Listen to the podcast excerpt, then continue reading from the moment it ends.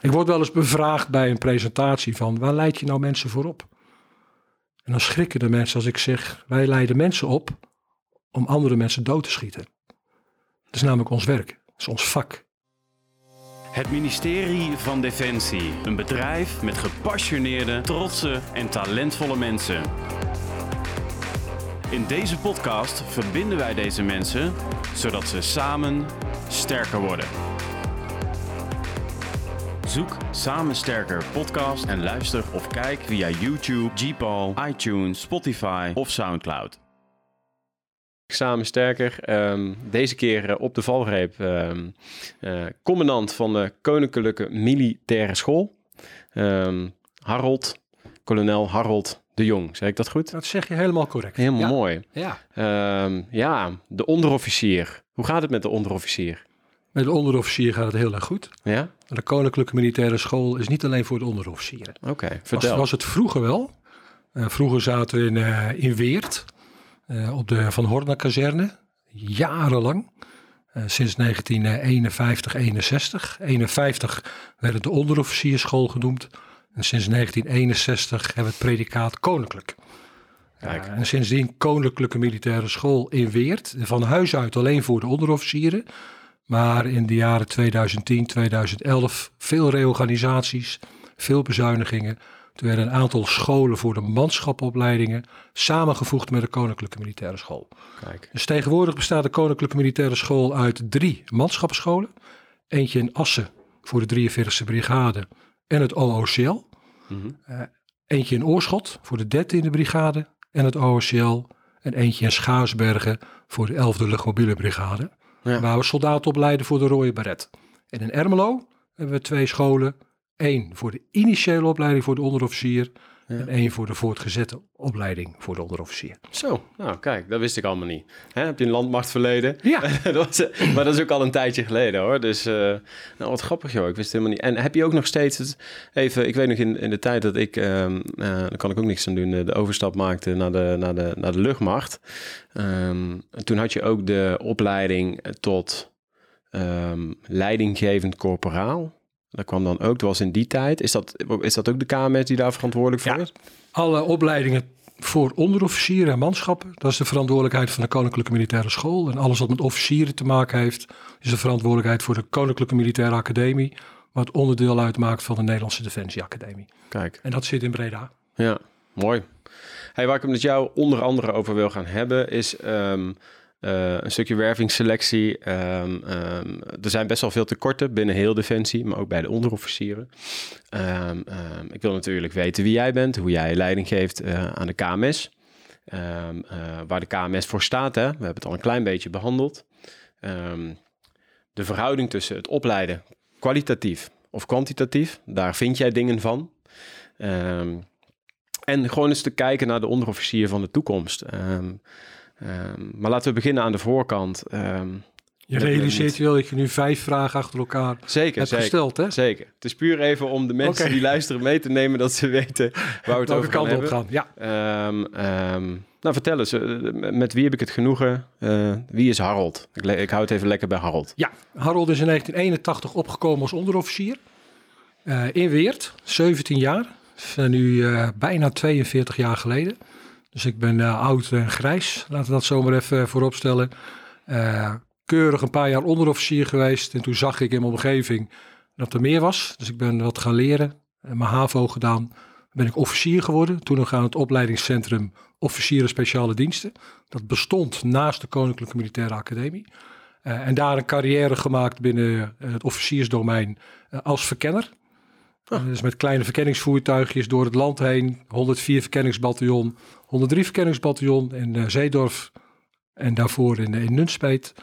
Eh, doorgegroeid in de inlichtingenwereld. Ik ga niet mijn hele doopcel lichten, maar ik heb bij de sectie G2 eh, in Apeldoorn gezeten. Ja. Ik ben commandant geweest van eh 103 ISTA bataljon en het Joint ISTA commando. Eh, dat was gevolg van de reorganisatie. Alle inlichtingen, elementen van de landmacht eh, bij elkaar. Mhm.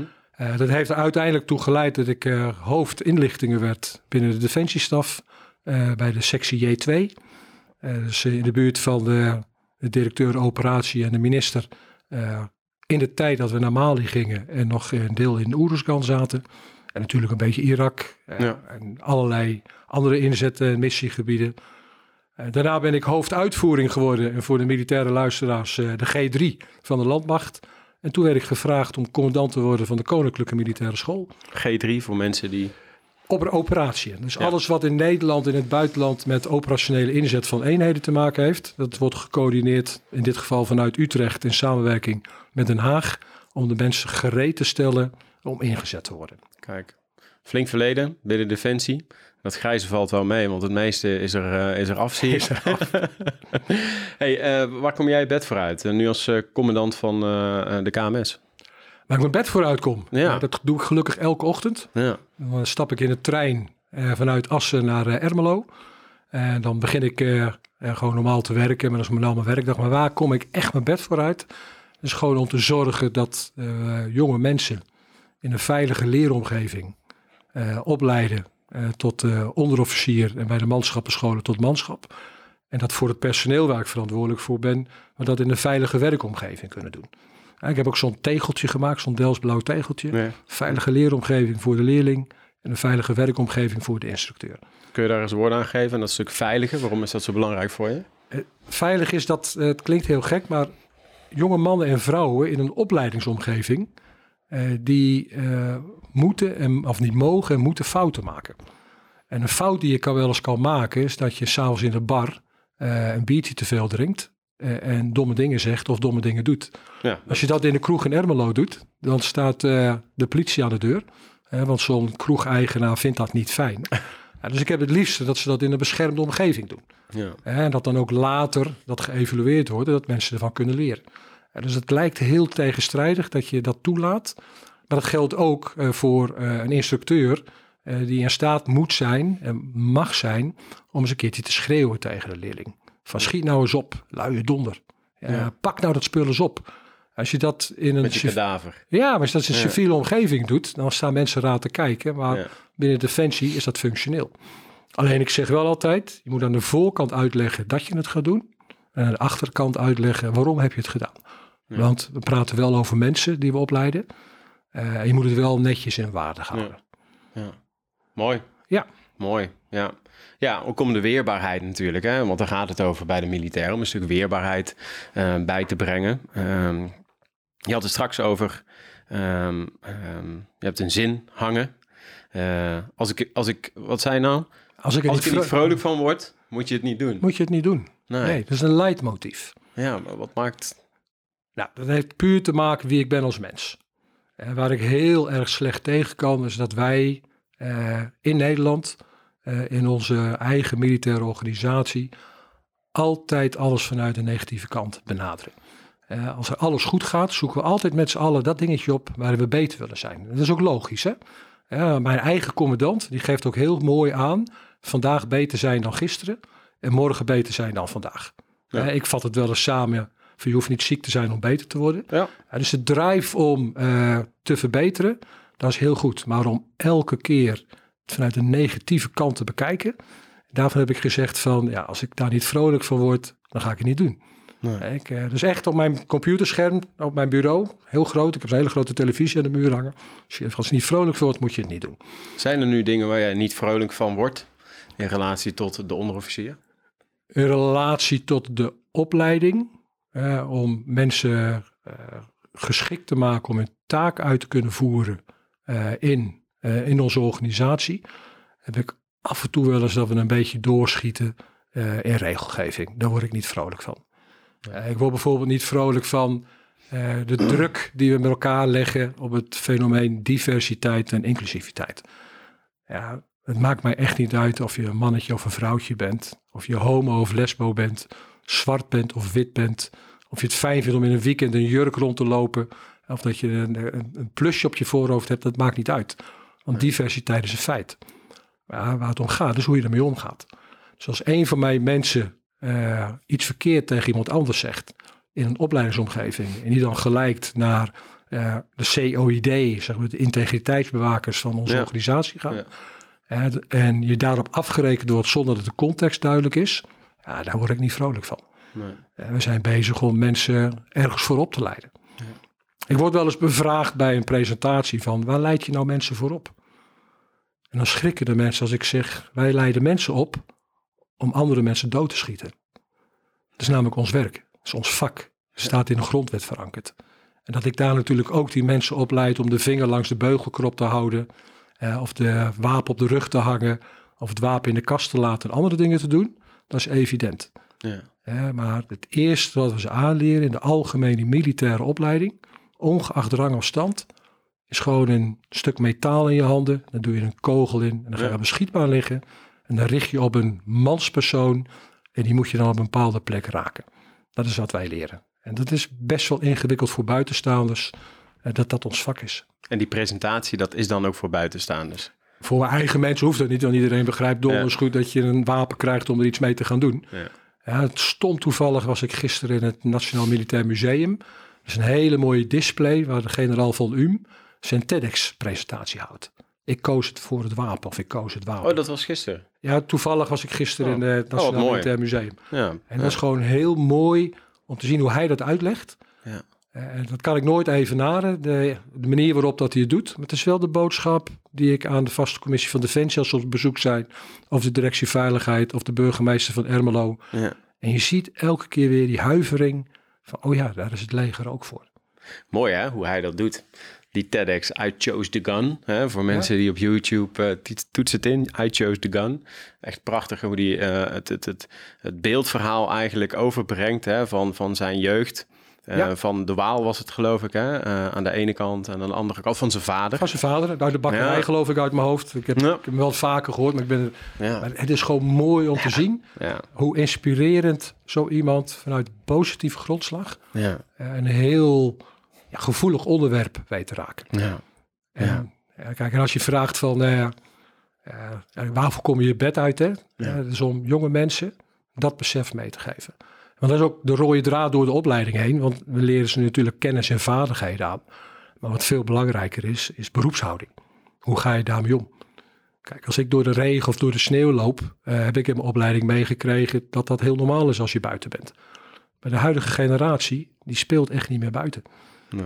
Eh, die vinden het eng, die vinden het vervelend dat ze nat worden. Ja, dus die, die vertaalslag naar eh, wat komt er op je af in opleidingsland eh, is heel mooi te illustreren met een regenbuitje. Ja. Eh, moet je nagaan als ze dan daadwerkelijk operationeel ingezet worden. eh, en een tegenpartij, die is ook opgeleid om jou dood te schieten. Ja. En die twee werelden komen dan bij elkaar.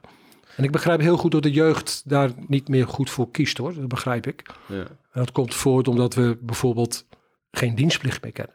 Nee. Het leuke van dienstplicht was dat alle meesters op de lagere school en op middelbaar onderwijs waren vaak ook dienstplichtig geweest. En die konden de verhalen vertellen over hun dienstplichttijd. Ja. Hele andere tijd, hele andere context. Eh, veiligheid van Europa vanuit het oosten van het land stond natuurlijk eh, onder druk. Sense of urgency was veel groter Ja, in die tijd. Dat is de vraag. dat is de vraag. Dat is de vraag. tegenwoordig Maar, met, ja. Na 24 februari van dit jaar, hè, toen eh, Poetin de Oekraïne binnenviel, is er ook in Nederland best wel wat gebeurd. Ja. En aan de ene kant zie je jongens en meiden die dan toch iets voor het land willen doen. Ja.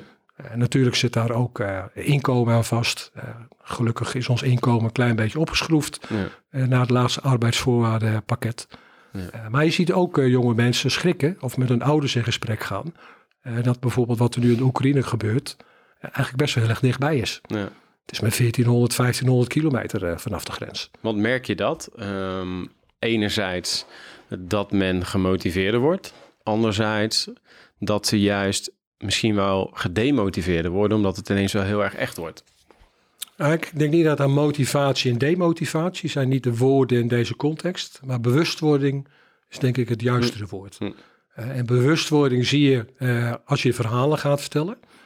Eh, als je met jonge mensen praat. er stond toevallig vanmorgen hadden een diploma-uitreiking. En dan staan er van die, eh, ja, ik mag op mijn leeftijd zeggen snuitjes. En die zitten je dan aan te kijken. En dan kolonel, hoe lang zit hij al in dienst? 42 jaar. En dan zitten ze toch al aan te kijken van... Ja, maar wat heeft u dan allemaal gedaan? En dan leg je je, je carrière uit naast je normale werk. Hè? Ook ik heb operationele inzet gedaan. Ook ik heb onderzoek gedaan in Afghanistan. Die, eh, ik moest de feiten onderzoeken, die hebben geleid tot de dood van. En dan komt het heel dichtbij. Dus dat, zeg maar, die, die spanning van eh, levensbedreigend en de effecten voor thuis, hè, die heb ik van nabij meegemaakt.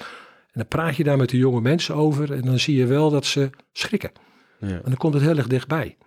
En natuurlijk van school uit reageren op een advertentie of eh, werken bij defensie.nl. En dan komen ze daadwerkelijk in ons bedrijf. En dan krijgen ze daadwerkelijk dat wapen. En dan hebben ze daadwerkelijk de eerste schietles gehad. En dan vragen jonge mannen en vrouwen zich best wel eens af van...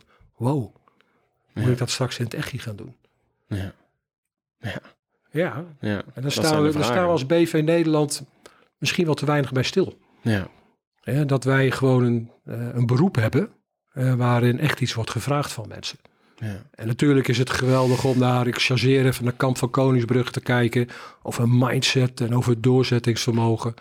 Maar dan komt het moment dat je een handeling moet doen, kleine beweging van je wijsvinger, Ja. wat betekent dat iemand anders of heel zwaar gewond raakt of doodgaat. En dat komt daar bijna niet in voor natuurlijk. Nee. Supergoed op programma's. Ja, nee, absoluut. Geen enkel Ja. banklank. Goed eh, wervingsmiddel ook, hè? Dat ook. En als je dan gaat kijken naar waar het nu echt om draait binnen onze organisatie. Een stukje beroepshouding en bewustwording. Ja. En dat je kennis en vaardig nodig, vaardigheden nodig hebt, dat is evident. ja. Werving en selectie. Ehm, veel tekorten. Ehm, ehm, heb jij daar bepaalde ideeën bij? Wat zouden we kunnen doen, nog meer kunnen doen? Eh, is natuurlijk niet jouw taak als commandant KMS, maar wat kunnen we doen om meer mensen binnen te halen? We zaten hier net in een voorgesprek, een van mijn stagiaires, en het eerste wat jij zei, je wilde hem bijna bij mij wegkapen. je, zegt, je zegt, wil jij niet naar Defensie toe? Ik denk, hé, hey, wat doe je nou? Maar ik snap het, hè? Maar wat, Dat is nou wat- precies het voorbeeld wat ik. Wat, nee, het effect van eh, het niet meer op school een onderwijzer hebben die in dienst heeft gezeten. Dus de dialoog op school van, goh, wat is jouw eh, beroepsgedachte? Dat een meester of een juf, juf zegt Mhm. van, eh, jij moet in dienst gaan, joh. Met de Ja. manier waarop jij in het leven staat, hoe sportief je bent, hoe zo'n hang en drang je hebt naar avontuur. dat ontbreekt. Ja. Dus als je vraagt van hoe moeten wij omgaan met werving en selectie. nou, ik pak alleen even werving. Dat is een, een hele deugdelijke arbeidsmarktcommunicatie waarin ons verhaal verteld wordt. En vertel nou eens het verhaal wie we zijn als Defensie. Eh, en wij zijn naast dat we operationeel ingezet worden en nu bijvoorbeeld steun leveren eh, door onze aanwezigheid in Roemenië of in Litouwen, eh, ook wat we hier in Nederland doen. Ja. Wat weinig mensen weten, als je niet op vakantie naar Engeland gaat, dan kan je niet zien dat de Nationale Reserve, ook een belangrijk onderdeel van de landmacht, dat die aan de landsgrenzen staat om mee te helpen met douane, eh, om vreemdelingenverkeer eh, te monitoren. Ja. Eh, we weten allemaal dat als er iets ernstigs gebeurt in Nederland, ik vond na corona, in één keer gingen we oorlogstaal praten. Ja. Misschien kan je nog herinneren, het programma Frontberichten. Ja. We gaan de strijd aan. Dus op het moment dat een land heel erg in nood komt, hè, dan komen we terug bij de basis. Er was dus een generaal in Nederlands-Indië, een generaal Spoor. En die heeft een kerstkaart gestuurd. En Maar stond niet van de kazerne, hè? Ja, die is ook van de kazerne. Generaal Spoorkazerne. Een gezegde, ja, Ja, dat is in. Ermelo. Maar die heeft een, eh, een kerstkaart gestuurd met een heel mooi gedicht erop. En het gedicht is als volgt. Wij wenden ons tot God en Jan soldaat, wanneer bittere nood en strijd ons wacht. Het land in vrede staat, de Heer vergeten en Jan soldaat veracht. Generaal Spoor, kerstkaart, uit mijn hoofd 48, 49, Nederlands-Indië. Mooi, volgens mij staat deze ook bij de kazerne, staat het gedicht er ook bij. Ik- Je bent in Stroe geweest en in de ontvangsthal van het Kekgebouw staat Ja. dat gedicht ja, gegrift op de muur. ja, ik denk ik ken hem. Ja. Ja. En als je dat nu gaat terugkoppelen naar hoe wij als Nederland eh, naar onze defensie kijken. Mhm. Vijf, zes jaar geleden was er niks aan de hand. Hè? Bezuinigen, eh, dit kan minder, eh, moeilijk doen. We hadden vier commandanten nodig die een trouw een artikel schreven. We hebben extra veel geld nodig. En we hadden een, eh, een klein mannetje in het oosten van Europa nodig, Poetin, die Oekraïne binnenvalt. eh, om in één keer eh, een nieuwe defensienota te krijgen met heel veel geld erbij. Ja. Ja. Ja. Ja, dus wij wenden ons Ja. tot, ja, dat is ja. hem. Ja, dit is hem, hè? We wenden ons tot God en Jan Soldaat als hoge nood en, Strijd. En strijd ons wacht. De nood voorbij, het land in vrede staat, vergeten wordt de Heer en Jan Soldaat veracht. Ja, Weet je, dat oud-Nederlands, hè? Dus het is fijn om het nog een keer... eh, ja, En als je dat terug gaat koppelen eh, naar eh, bijvoorbeeld mijn eigen kerkelijke omgeving. Ik kom niet vaak in de kerk. Ik praat natuurlijk wel heel veel met onze GV'ers. En je merkt gewoon dat ook in de kerken dat het weer een klein beetje aantrekt. Eh, mensen komen in nood. Oh, is Eh, dat? Ja, Ja. kunnen gasrekeningen niet meer betalen. Eh, ja. kunnen niet meer op familiebezoek omdat de benzine in één keer 2,50 euro was. Nu is het gelukkig een beetje gedaald. Ook voor mijn eigen privéauto sta ik wel eens te kijken van wow. ja. En dan wordt, dan wordt het in één keer spannend in Nederland en dan gaan er allerlei dingen bewegen. Dat is voor ons als militair is dat vanzelfsprekend, maar niet voor iedereen is het vanzelfsprekend. ja. ja. Eh, en dan wordt het best wel ingewikkeld om dat allemaal voor jonge mensen op een rijtje te zetten. Gelukkig krijgen wij heel veel jonge mensen binnen. Ja. Ja, natuurlijk willen we meer. Hè, dat de arbeidsmarkt eh, zich aantrekt. Hè, naar aanleiding van jouw vraag van wat wil je aan de voorkant ja, doen. Ja, ja. Eh, maar eh, hoe zou je dat willen beïnvloeden? Eh, is nog meer voorlichting, nog meer tijd nemen als defensie om naar scholen te gaan, nog meer tijd nemen als defensie om ons te exposen op de momenten dat we nodig zijn. ja. Eh, dat kan met eh, mooie militaire muziek. Ja, als we naar de Marinierskapel kijken of Koninklijke, eh, ja, de KMK, Koninklijke Militaire Kapel, Johan Willem Frieso, die geven relatieconcerten. Dan spreek je met mensen, die vinden de militaire muziek mooi. ja, ja, ja. Ja, maar op scholen moet je voertuigen laten zien. Moet je jonge militairen met hun eigen doelgroep in gesprek laten. Het is eigenlijk marketing, hè? Dus je kijkt ehm, wie is mijn doelgroep en wat heb ik eigenlijk in mijn gereedschapskist aan spullen, aan eh, ervaring, aan mensen die het verhaal kunnen vertellen op de plek waar het verhaal thuis hoort. Ja. Heb jij de vorige podcast toevallig geluisterd van Kjell van der Giezen? Nee, heb ik niet gehoord. Nee. Nee. Ehm, zijn hypothese is, hij, doet een, ehm, hij noemt het een werkstuk, maar het is uiteindelijk een, eh, een ehm, noemen ze een ding, PhD. En hij zegt ook in een militaire context, meer op oefenen gericht als het verhaal te echt is. Dus hij zegt het gaat over scenario's en het narratief, hè, verhalen vertellen. Hij heeft een schemaatje getekend. Hij zegt nou, als het verhaal te echt is, verkrampen mensen. Want dan is het te spannend. En als we zeggen dat er aliens eh, komen in een oefenscenario, dan denken mensen, yeah, right. En ergens tussen die twee ligt een sweet spot, zegt hij. En dat hoor ik hier eigenlijk ook wel. Waar ligt de sweet spot? Waar moeten we, op welke wijze moeten we mensen aanspreken en hoe moeten we het verhaal overbrengen? Dat moeten we dus volgens jou ook meer doen. Ja, en dan als je dan eh, bijvoorbeeld naar eh, de actielijnen kijkt in onze defensienota, eh, die door ons heel goed te begrijpen zijn. Maar ik heb mijn jongste zoon het laten lezen, Hoe oud is die? 25. Oké. HBO, afge, HBO gedaan. Oh, dat is interessant. En die, die zegt, pap, zeg, ik weet niet waar jullie het over hebben. Ja, dat is niet goed. Dat is niet goed. Dus die vertaalslag, dat is net zoals de visie 2035. Hè, dan hebben we het eh, over hele mooie dure woorden zoals informatie gestuurd optreden. Als ik daar met, eh, als ik zelf lesgeef eh, met adjudanten en ik heb het over ego, hè, dan Ja. moet ik uitleggen dat het eigenlijk elke dag gebeurt. Ja. Als het over inlichtingen... Nu ook hier. Ja, bij inlicht, inlichtingensystemen. Podcast. Ja. we hebben het over inlichtingen. Ja. Maar wat zijn nou inlichtingen? Nou, als jij een auto gaat kopen, wat doe jij dan? Ja, dan ga ik dit en dan ga ik dit en dan ga ik dit. Oh, je bedoelt dat je een eigen inlichtingoperatie opstart. Ja, research. Ja, dus ons taalgebruik, ons jargon, eh, de ambtelijke taal. eh, als je jonge mensen wil trekken, ja, dan moet je een andere taal gebruiken. Kunnen wij dat wel? Zijn wij wel de mensen die daar dan ook ehm, mee aan de slag moeten? Hè, dus moeten defensie mensen wel werving en selectie voeren? Want wij zijn natuurlijk bedrijfsblind. Wij spreken deze taal. Klopt. Eh, en je hebt mensen nodig die zich dat bewust zijn. En op het moment dat ik een jonge onderofficier eh, of een soldaat iets laat vertellen, dan valt hij in zijn jargon. En als je hem bewust maakt dat hij in zijn jargon bezig is, dan gaat hij andere woorden gebruiken. Ja. Je hebt niet aan mij gevraagd wat ik nog naast mijn werk doe. Ik schrijf boeken Oh, over, eh, over de Tweede Wereldoorlog. En als je dan een boek schrijft, ik heb eh, een boek geschreven over Franse parachutisten, en dan heb ik een co-schrijver bij moeten gebruiken. Eh, wat ik zeg als militair, eh, ik heb een objectonderlading gebracht. ja. Dat begrijpt geen hond. Nee. En hij heeft ervan gemaakt, we hebben explosieven op de brug gelegd.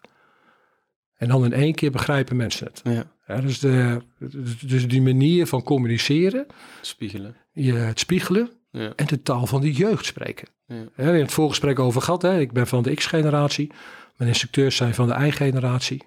Onze leerlingen zijn van de Z-generatie. Ja. Die hebben een hele andere taal. Ja. Echt. Eh, Ja. Ik kan, als ik in de trein zit of ik krijg een moeilijk boek te lezen, kan ik geconcentreerd vier, vijf uur lang kan ik ergens mee bezig zijn. De huidige generatie, even van de swipe-generatie, Ja. ja, de zet van swipe, dat gaat gewoon veel te snel. Hoe geldt het dan voor mij? Ik ben een ei-generatie. Jij bent de eigen generatie. Ja, Dan vraag eens even of jij oud ei of jong ei bent, waar je Ik aansluiting ben vindt. 85 geboren, dus ik ben nog net een eier. Je bent een, echt, je bent een, eh, je bent een eier. eh, en, eh, ja, Geen men- ei, maar... Nee, goed, mensen, Ook kunnen wel ons, eens, hoor, nu, trouwens. mensen kunnen ons niet zien. Hè? We zitten allebei achter een laptop. We zijn allebei wel groot geworden met informatie. Zeker. Ja, terwijl als ik naar mijn ouders kijk of eh, naar mijn directe omgeving, die vinden het heel fijn om nog een oude Nokia-telefoon te hebben waar je alleen mee kan bellen. Eh, ik ben ondertussen meegegroeid dat ik niet meer zonder mijn laptop en mijn telefoon kan. Eh, maar als ik een telefoon van een jonge iemand afpak, dan pak ik zijn lifeline met de wereld af. Ja, een extern geheugen. Ja, nee, maar ook de, eh, de wetenschap dat als ik iets heb, dat ik even naar, naar huis kan appen. Ja. En natuurlijk probeer ik dat er vanaf te krijgen, Ja. vanwege operationeel belang. Want in een operatiegebied moet je mensen ook kunnen laten werken zonder die telefoon. Ja. Zonder onze horloges die we om hebben. We hebben allebei een Garmin om, ja. hè, die allebei corresponderen. Ook nog de, dezelfde, zie ik. is dit een 7? ja. Ja? ja, met het zaklampje, hè? ja, met het, eh met ja, het ja, zaklamp. Ja, ja, ja, ja. Nou, kijk, we zijn echt wannabes hier aan tafel. Ja, maar wat we ons niet realiseren, dat als je operationeel ingezet wordt, eh, dat je eigenlijk dat ding niet om moet hebben. Maar als je, Omdat je natuurlijk... omdat je gehackt wordt, hè, want als jij hard loopt of ik loop hard, dan kijk je even op de computer, wat Ja. is het rondje heb ik gedaan, maar dat kan iemand anders ook. Nou, Mooi die, coördinaat. ja, hè? die bewustwording, Ja. die moet je hebben. Dus wat wij doen in de opleiding, dan mag iedereen zijn telefoon meenemen. En dan gaan we heel vaak vragen of ze die op maandag willen gaan gebruiken. En dan op dinsdag dan gaat dat, het batterijtje rechtsboven, die wordt steeds minder. En vanaf woensdag hebben ze geen spanning meer. ja. Eh, en dan, eh, ja, die boom waar die stekker in kan, die is er niet. Nee. Ja, dus wat doen we dan? Dan zeggen we van, eh, neem maar gewoon mee. En dan de volgende keer, en dan maken ze de telefoon niet aan, die zetten ze niet aan, die doen ze in een rugzak. En s'avonds in een tentje, appen ze even met thuis. Ja. Dat mag je nooit afpakken, eh, want anders haken mensen af. Oké. Jonge mensen haken af Maar als dat was in mijn tijd wel anders. die lifeline kwijt zijn. Want dan hadden we net telefoontjes, Ja. maar dat waren geen smartphones. Dat waren... Daar kon je mee MMS'en. MMS'en, misschien sms'en. Ook nog? Ja. Ja, ja. En die Ah. wurmspelen die dan... eh, Ja, ook. Ja. Ja, en ik kom uit de tijd in de KMS dat ik woensdag van 8 tot half negen thuis een slot had. Eh, mijn vader was zeevarende. En als ik na half negen ging bellen, eh, dan zat ik op het bel half uurtje van mijn vader. Ja. Dus als we dan voor de telefooncel bij de ingang van de Van Hornense kazerne stonden, had je twee telefooncellen.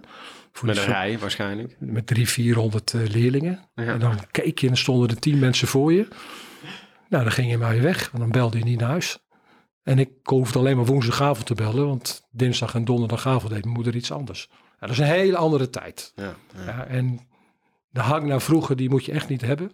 Want zo'n telefoon heeft ook voordelen. Even in de COVID-periode, dat was echt heel mooi om te zien.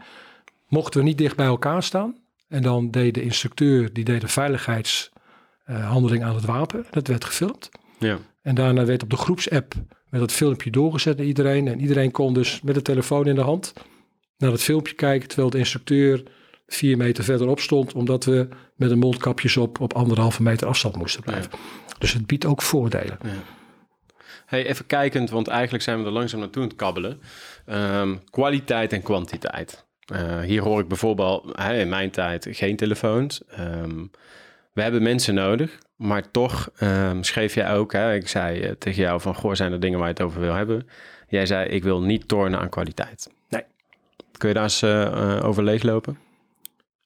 Op het moment dat wij gaan inboeten aan kwaliteit, dan kom ik aan het begrip veiligheid. Als ik mensen geen deugdelijke wapenopleiding geef, dan kan het voorkomen dat er een ongeluk gebeurt. En dat kunnen we onszelf niet veroorloven. Of voor jezelf, eh, of voor je maatje, eh, of voor je omgeving. Eh, als ik mensen in bepaalde situaties breng waar stress bij komt kijken, dat moeten mensen een keer, zeker in de rang van onderofficier, doorgemaakt hebben om te begrijpen wat er in hun lichaam gebeurt en hoe ze daarop reageren. Ja. Dus wij werken met deprivatievormen. En bijvoorbeeld, we lopen iets langer door s'avonds, zodat ze wat minder slaap hebben. Oh ja. We geven ze niet op het moment dat ze gewend zijn om te eten, geven het eten wat ze verwachten. Er is niets vreselijkers voor een militair om s'morgens een warme maaltijd te krijgen. Want we zijn zo ingesteld, s'morgens brood, s'middags brood, s'avonds warm. En dat, brengt onzekerheid met zich mee. En die onzekerheid eh, en vermoeidheid, eh, eh, slaapgebrek, daar hebben we echt oefeningen voor. zodat mensen in een situatie worden gebracht waar ze leiding moeten geven. Normaal kan je iemand aanleren om links of rechtsaf eh, bij een bosje te gaan. Eh, eh, en dan ga je in één keer in een stresssituatie, moet je datzelfde besluit nemen. Ja. En dan moet je heel snel handelen. Nou, daar hebben we een cursus voor. Dat maakt integraal deel uit van de opleiding. Dat heet Leiderschap onder verzwaarde omstandigheden, de LOVO. Als een leerling de LOVO niet heeft gehad, dan heb ik liever niet dat hij commandant wordt van een groep mensen. Ja. Ja, dus mijn kwaliteitsborging is dat ik heel goed in de gaten houd van wat voor stappen heeft iemand gemaakt Ja. om op het niveau uit te komen om vakman, leider en instructeur te kunnen zijn. Ja, dat is dat kompas, hè, waar eh, volgens mij staat het in het competentiewoordenboek van Defensie. Ja, we hebben Eh. natuurlijk we hebben een aantal competenties. Eh, maar wat we ook hebben is een manier van leiding geven. Dat heet het leiderschapscircumplex. Ach, god, ja. Ja, Ja, van rond. Ja, ja. het is rond. ja, het is met, rond. Met, blauwe, ja. met rode en groene ja, vlakjes. ik zie hem voor me. Ja, ja. En waarvan de ene as jij als persoon bent en de andere as eh, de groep is. Ja. Eh, dat is allemaal modern, dat is allemaal wetenschappelijk onderbouwd. Ik had vroeger twee leiderschapsstijlen waar ik in onderwezen werd. Dat was de directieve leiderschapsstijl. Dat iemand zei van ga. Ja. Eh, en de andere was de parti- par- participatieve leiderschapsstijl van goh, heb je zin om samen met mij iets te gaan doen. Hoe Nou, kan ik je helpen? ja, daartussenin zit heel veel in. Eh, als iemand bepaalde stappen niet heeft gehad, eh, dan kan ik niet met droge ogen een KMS-diploma geven. Dat hij invulling kan geven op basis van zijn vakmanschap. Ja, Dat hij leiding kan geven in een gevechtssituatie. ja en terecht. Of dat hij op de juiste manier instructie geeft. Ja. Want een onderofficier kent een drietal aspecten. Vakmanschap, daarmee leidertje zijn. Daar kan ik je niet mee helpen. We hadden het net ook over informatie gestuurd optreden en Siri. En Siri die reageert. Die gaan we ook er gewoon in laten. Ja, ik hou goed. ervan. Ja, weer een, een voorbeeldje dat eh, ook voor mij, hè, de, zeg maar de, de, de ondersteuning door middel van elektronica en de snelheid, dat is ook nodig. Hè? Want als commandant en werkgever, eh daar heb ik hem ook niet uitstaan. Ja. Eh, als er iets gebeurt met een van mijn mensen, dan moet ik gebeld kunnen worden. Ja. Eh, en dan zeg ik van zet even op de mail. En dan moet ik gelijk kijken, want als het dringend is, eh, betekent dat ik wat, zij, wat wij noemen gewoon in de meldingen voorvallijn, en wel mijn commandant moet informeren. Ja. Dat als er iets vreselijks gebeurt, en dat niet mijn commandant, of in het ultieme geval de minister, wordt geconfronteerd met iets dat ze niet weet. Ja. ja. Dus niet, ehm, eh, hè, je doet geen concessies aan, ehm, aan de Kwaliteit. kwaliteit, absoluut niet. En hoe zie je dat voor je als je kijkt naar de toekomst van de jonge Nederlandse militair? Ehm, eh, wat, wat, wat is er belangrijk voor de toekomst van de onderofficier? Wat hebben we nodig? Eh, wat we nodig hebben zijn jonge mensen vanuit de maatschappij die door hun onderwijzend personeel een bewustwording meekrijgen eh, dat ze niet kunnen gaan vragen wat gaat Defensie voor mij betekenen, maar wat voor rol zou ik binnen Defensie kunnen spelen. Eh, wat kan ik doen voor de maatschappij? Intrinsiek. Intrinsiek. Ja. Hoe wakker je dat aan? Voorlichting, verhalen vertellen. Eh, zorgen dat, ja, dat- wat ik net zei, ik, ik ben bezig met boeken, dat de geschiedenis van die Tweede Wereldoorlog ook bij jonge mensen terechtkomt. En geschiedenis is niet van de mensen die het hebben meegemaakt. Geschiedenis is voor de jeugd, zodat ze niet weer dezelfde fouten maken. Ja. En je weet het, hè? wereldwijd leren we niet van onze fouten. Eh, Tweede Wereldoorlog eh, wisten we niet meer hoe het in de Eerste Wereldoorlog was. Eh, in Bosnië wisten we niet hoe het in de Tweede Wereldoorlog was. En nu met Oekraïne zijn we Bosnië vergeten. Er zit bijna net een halve generatie verschil tussen. En dat is gewoon zo jammer. En als wij met z'n allen en, in het onderwijs weer goed geschiedenisles kunnen geven. Eh, verhalen vertellen uit het verleden. Als wij eh, op scholen gewoon weer sport kunnen gaan geven. Nog beter met het lijf omgaan. Eh, want dat is namelijk waar ik wakker van lig s'nachts. Hè, dat ik jonge mensen binnenhaal die gewoon fysiek onder de maat zijn. Ja. Onze kinderen spelen bijna niet meer buiten. Welke suggesties heb jij daarvoor? Want Ja, ik bedoel, je hebt het al over onderwijzers gehad. Hè? Ja. Vroeger waren dat nog oud-militairen. Ehm, de dienstplicht invoeren. Ehm, ik zie je nee knikken. Ga- Nee, het is, het is dienstplicht in moderne samenleving is niet van deze tijd. Nee. Eh, maar Ook niet of de sense of urgency zo hoog is. Want ik heb ook begrepen, eh, een artikeltje toen Oekraïne net ging spelen, dat juist de aanmeldingen van militairen heel erg toenamen.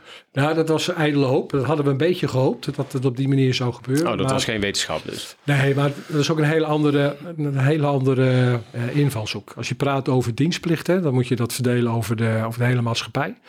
En dat betekent dat ons legersysteem, legervormingssysteem anders moet zijn. Ja. Eh, dat we naast de bouw van een paar nieuwe kazernes voor het zittende populatie misschien wel een paar extra kazernes moeten bouwen om dienstplichtigen te kunnen huisvesten. Ja. Je zal middelen nodig hebben. Nou, dat hebben we allemaal niet. Ook, met, eh, ook al zou je er 100 miljard tegenaan gooien, eh, dan gaat het best wel veel tijd kosten. Ja. Maar wat wel heel belangrijk is, is dat de maatschappij doorheeft eh, wat de rol van Defensie is. Wat het voor hun kan betekenen. Kijk naar corona, kijk naar watersnood, kijk naar eh, wat hebben we, vogelgriep en allemaal dat soort dingen. Gekke koeienziekte. gekke koeienziekte, dan, eh, dan weet men Defensie gelukkig te vinden. Ja. Eh, maar als de nood in het buitenland of aan onze landsgrenzen groot wordt, Ja. en dan moeten we er ook staan. En het is heel moeilijk om, voor een minister om uit te leggen dat we onze eigen landsgrens niet kunnen verdedigen. Eh, we hebben het een paar jaar geleden gehad. Eh, maar we kunnen wel gezamenlijk binnen de NAVO eh, ons NAVO-grondgebied verdedigen. Ja. En dat betekent dat iedereen zijn rol moet nemen. Ja. En ja, je hebt daar jonge mensen voor nodig. Ja. Je hebt mensen nodig die systemen gaan eh, bedienen. Ja, in de defensienota wordt keurig gesproken over het kopen van drones en mooi materieel. Dat is een van die actielijnen. Maar er moet wel personeel achter staan die op de juiste knopjes weten te drukken. Ja. En dat is een ander type, ehm, deels, hè, deels een ander type militair natuurlijk dan 30, 40, 50, 60 jaar geleden. Ja, en de vraag is ook of dat die eh, ruwe infanterist moet zijn, of die cavalerist op een tank, of die artillerist met zijn, eh, met zijn kanonnen, of bij de marine of bij de luchtmacht. Eh, maar als we naar het cyberdomein gaan kijken, of we gaan naar pure technische bedienaren kijken, Ja. ja, dat klinkt heel gek, maar dat kan je tegenwoordig vanuit je bed doen, hè? Met zo'n PlayStation console, of je nu dat ding op de televisie Ja, bedient ja, of in het. Eh, niet dat ik daar zelf heen wil, want ik ben van mening dat je als je een militair naar het buitenland neerzet, eh, dat hij wel fysiek fit moet zijn en aan zijn militaire basisvaardigheden voldoet, dus opgeleid moet worden. Ja. Maar ik kan me ook heel goed voorstellen dat het techneuten zijn eh, die echt op afstand iets kunnen doen. Ja, ja, ja, ja. ja. Even doorpakkend nog op die eh, ehm, onderofficier van de toekomst, de militair van de toekomst. Eh, je zegt, ehm, sowieso had je het over fitheid. Ja. Hè? Want daar lig je wakker van. Kun je daar nog eens even op voortborduren? Wat, wat kunnen we daaraan doen?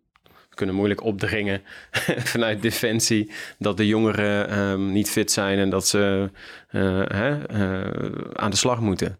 Hè? Ga, Gewoon even he- ga, heel, maar in de, ga maar in de voorlichtsteun. eh. een heel gek voorbeeld. Hè. In, in, in Nederland is het niet verplicht om jezelf in te enten. Eh, maar toch gaan moeders en vaders met hun kinderen naar het consultatiebureau. En dan krijgen kindertjes een boekje met groeicurves. En dan krijgen ze adviezen eh, om daarmee aan de slag te gaan. Misschien wordt het wel eens tijd dat eh, we met elkaar het advies geven aan ouders om kinderen normale schoenen te laten dragen. Eh, niet de sneakers. Hè, want een groot deel van eh, de uitval die ik heb op uitvoerend niveau is voetproblematiek. Ja. kinderen kunnen niet meer, of jonge mensen kunnen niet meer lopen op de schoenen die we ze aanbieden. ja. Het is heel moeilijk in de Randstad om kinderen buiten te laten spelen. Hè, als wij uitval hebben en ik zou een, een doorsnede maken van waar de mensen uitvallen, dan is de, de uitval Randstad gerelateerd groter dan Groningen, Friesland en Limburg Ah. of Brabant. En dus daar moet je naar kijken. Eh, als ik mensen eh binnenkrijg, hè, want naast eh, werving doe je ook selectie, eh, dan ga je kijken naar keuringen. Jonge mannen en vrouwen die gekeurd moeten worden, bijvoorbeeld voor de luchtmobiele brigade, die hebben allemaal 2700 meter gelopen op de Coopertest in Amsterdam. Als je ze daarna een half jaar laat wachten, omdat we door allerlei hoepeltjes moeten springen, ja, dan neemt natuurlijk je fitheid af. dan neem je fitheid af. dat Helemaal was toch 2800 meter? 2700 meter. Oké. Hm. Oké. Ja, je denkt, jij luistert naar de commando's. Die hebben volgens mij 2800 meter. Maar Oh, op dat zich maakt dat niet uit. Want In ieder geval fit zijn. je moet fit zijn. Ja, wat fitheid betreft in Nederland, als je 2400 meter kan lopen op de Cooper-test, Ja. dan ben je voor onze maatstaven ben je fit en dan ben je Ja. opleidbaar. Als je de 1600 meter loopt als een jonge vent van 18, 19 jaar en je hebt een eh, body mass index van 30, Ja. dan wordt het best wel ingewikkeld Ja. om jou gezond over die eindstreep te krijgen. Ja. En daar maken we ons met z'n allen heel veel zorgen over dat heel veel jonge mannen en ook wel jonge vrouwen niet die fitheid hebben zoals 40, 50 jaar geleden. Ja. En dat is gewoon een maatschappelijk iets. Ja. Maar daar gaan wij niet iets aan doen nu direct. Maar het is wel iets waar je zorgen over maakt. Nou, kijk, de oplossing van het probleem begint bij het signaleren van het probleem, het erkennen van het probleem. En die fase zitten wij. Dus we moeten heel veel praten.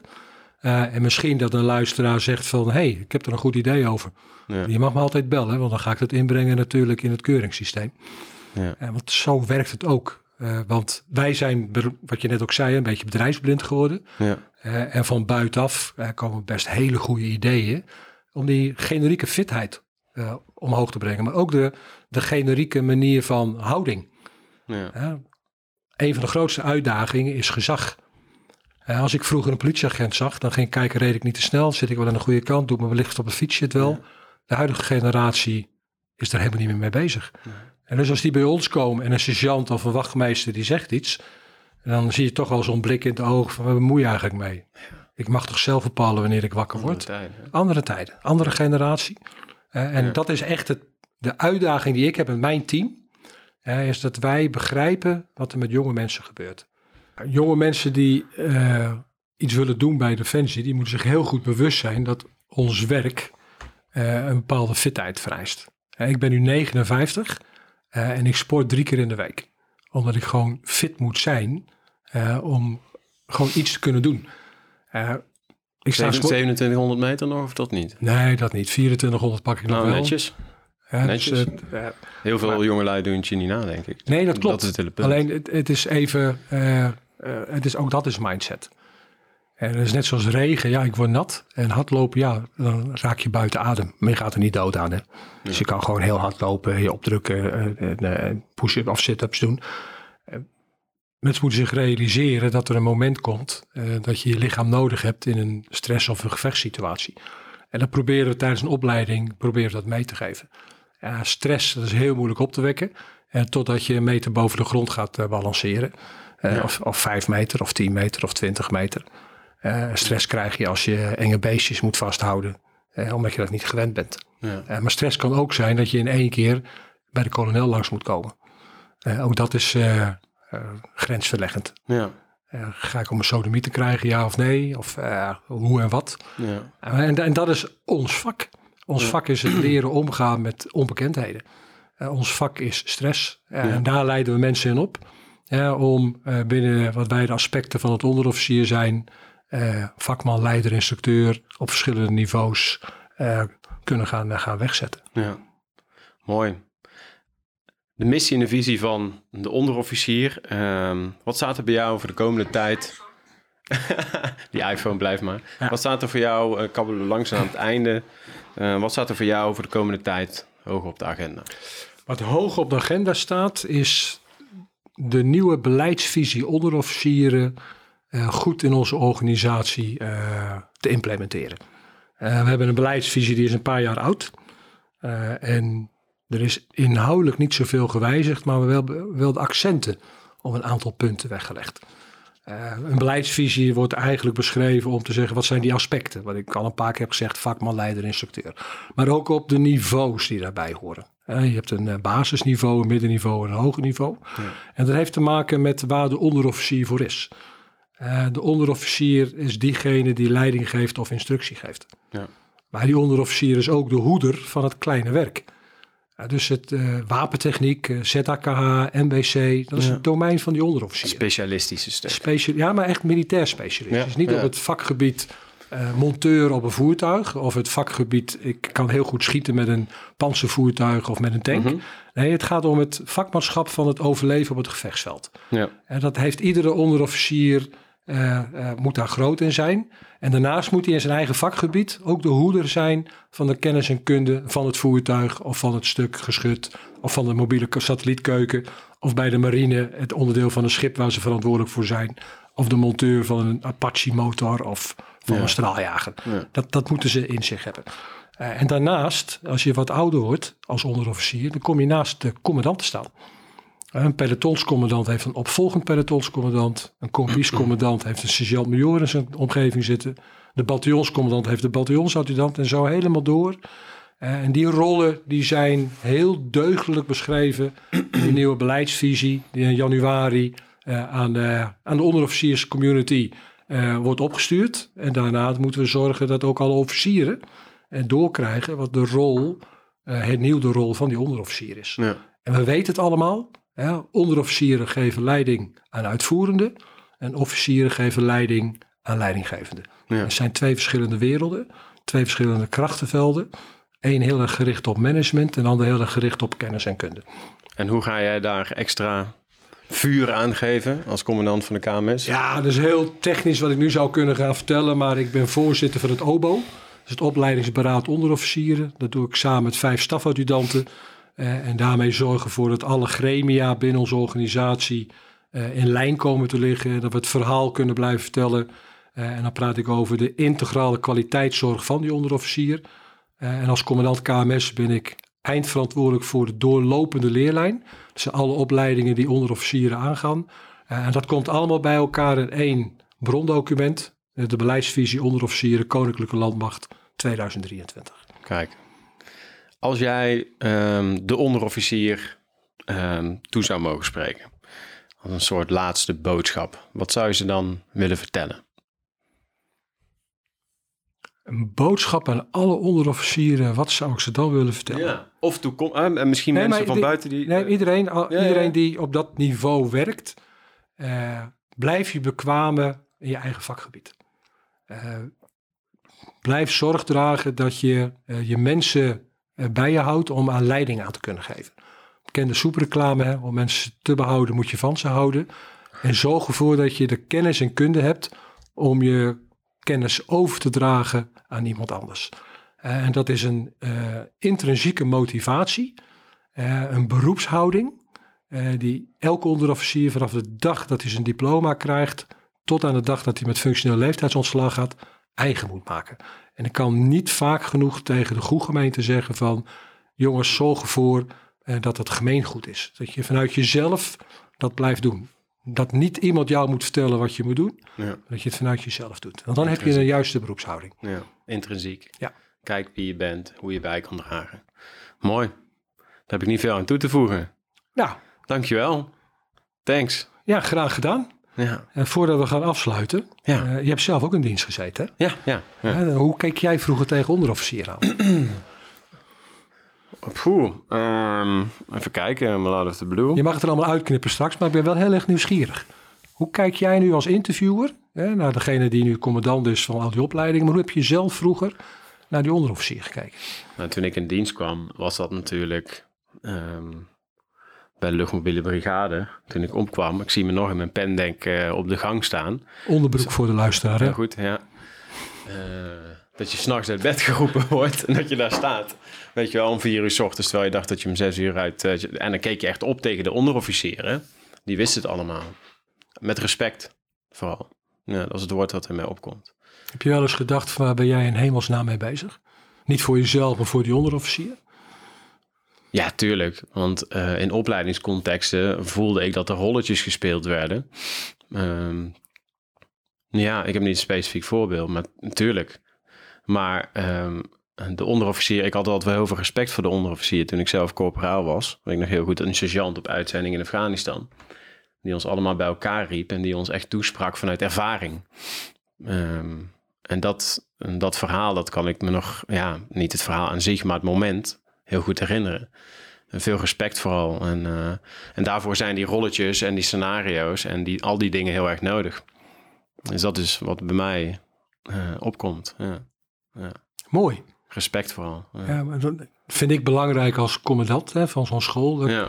dat je af en toe ook, eh, dat noemen we dan Kirkpatrick 1, 2 en 3, aan de klant vraagt van hoe heb je dat nou ervaren?